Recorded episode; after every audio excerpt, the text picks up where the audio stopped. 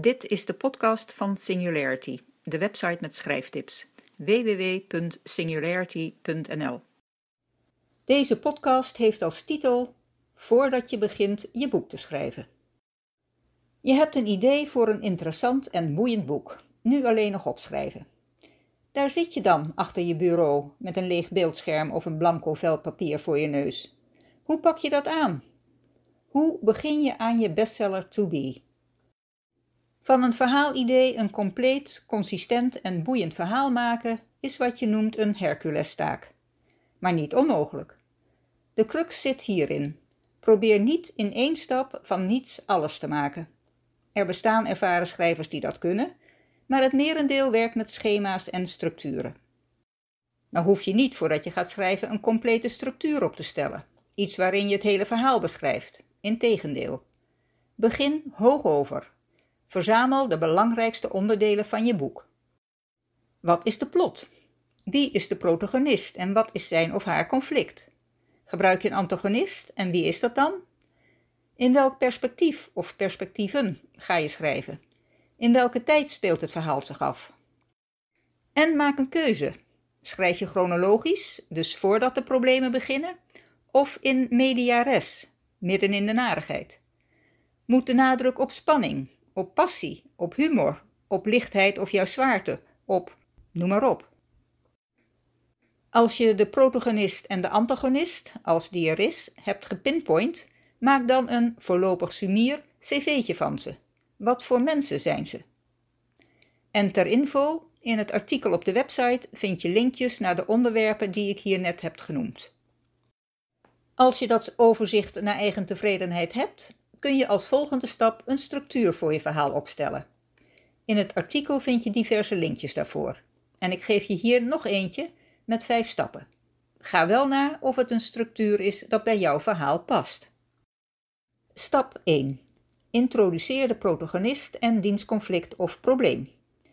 Als je een antagonist hebt, is die daarvan de oorzaak of bijdrager. Stap 2. Het probleem wordt groter, maar je protagonist deinst terug om het aan te pakken. Hij kijkt weg of ontwijkt het. Stap 3. Het probleem kan niet meer ontkend of ontweken worden en je protagonist doet halsslachtige pogingen om het op te lossen. Maar dat werkt niet en het maakt het alleen maar erger. Stap 4. De protagonist probeert een volgend plan, maar onderschat de situatie nog steeds. Met als gevolg dat hij zichzelf in het nauw heeft gedreven. Stap 5.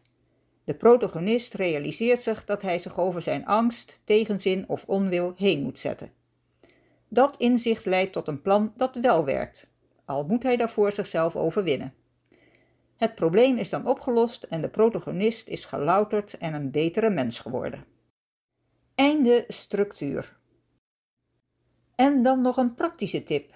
Schrijven vraagt tijd, realiseer je dat. En je dagen zijn al zo druk. Als je je schrijven serieus wil nemen, reserveer dan tijd in je agenda. Bij voorkeur elke dag. Je hoeft niet elke dag veel tijd aan schrijven te besteden, maar probeer wel elke dag te schrijven. Al is het maar een half uurtje.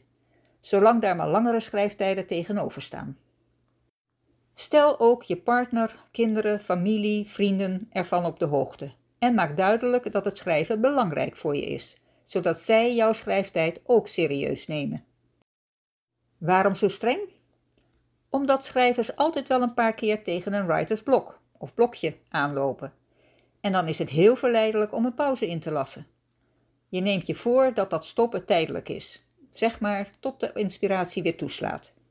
Maar desondanks blijken regelmatig onaffe manuscripten ergens stof te verzamelen en een stille dood te sterven.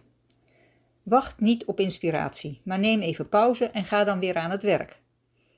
In het artikel op de website vind je diverse artikelen waarmee je je motivatie en inspiratie een boost kan geven. Tot slot, tijdens het schrijven kom je vaak tot nieuwe ideeën die je boek beter kunnen maken en dat is alleen maar goed. Hou je dus niet krampachtig vast aan je overzicht en structuur, maar pas die aan je nieuwe inzichten aan. Ik ben aan het einde gekomen van deze podcast. Tot de volgende. Oh ja. Vond je het leuk? Heb je er wat aan? Maak me dan blij door het te delen. Dankjewel.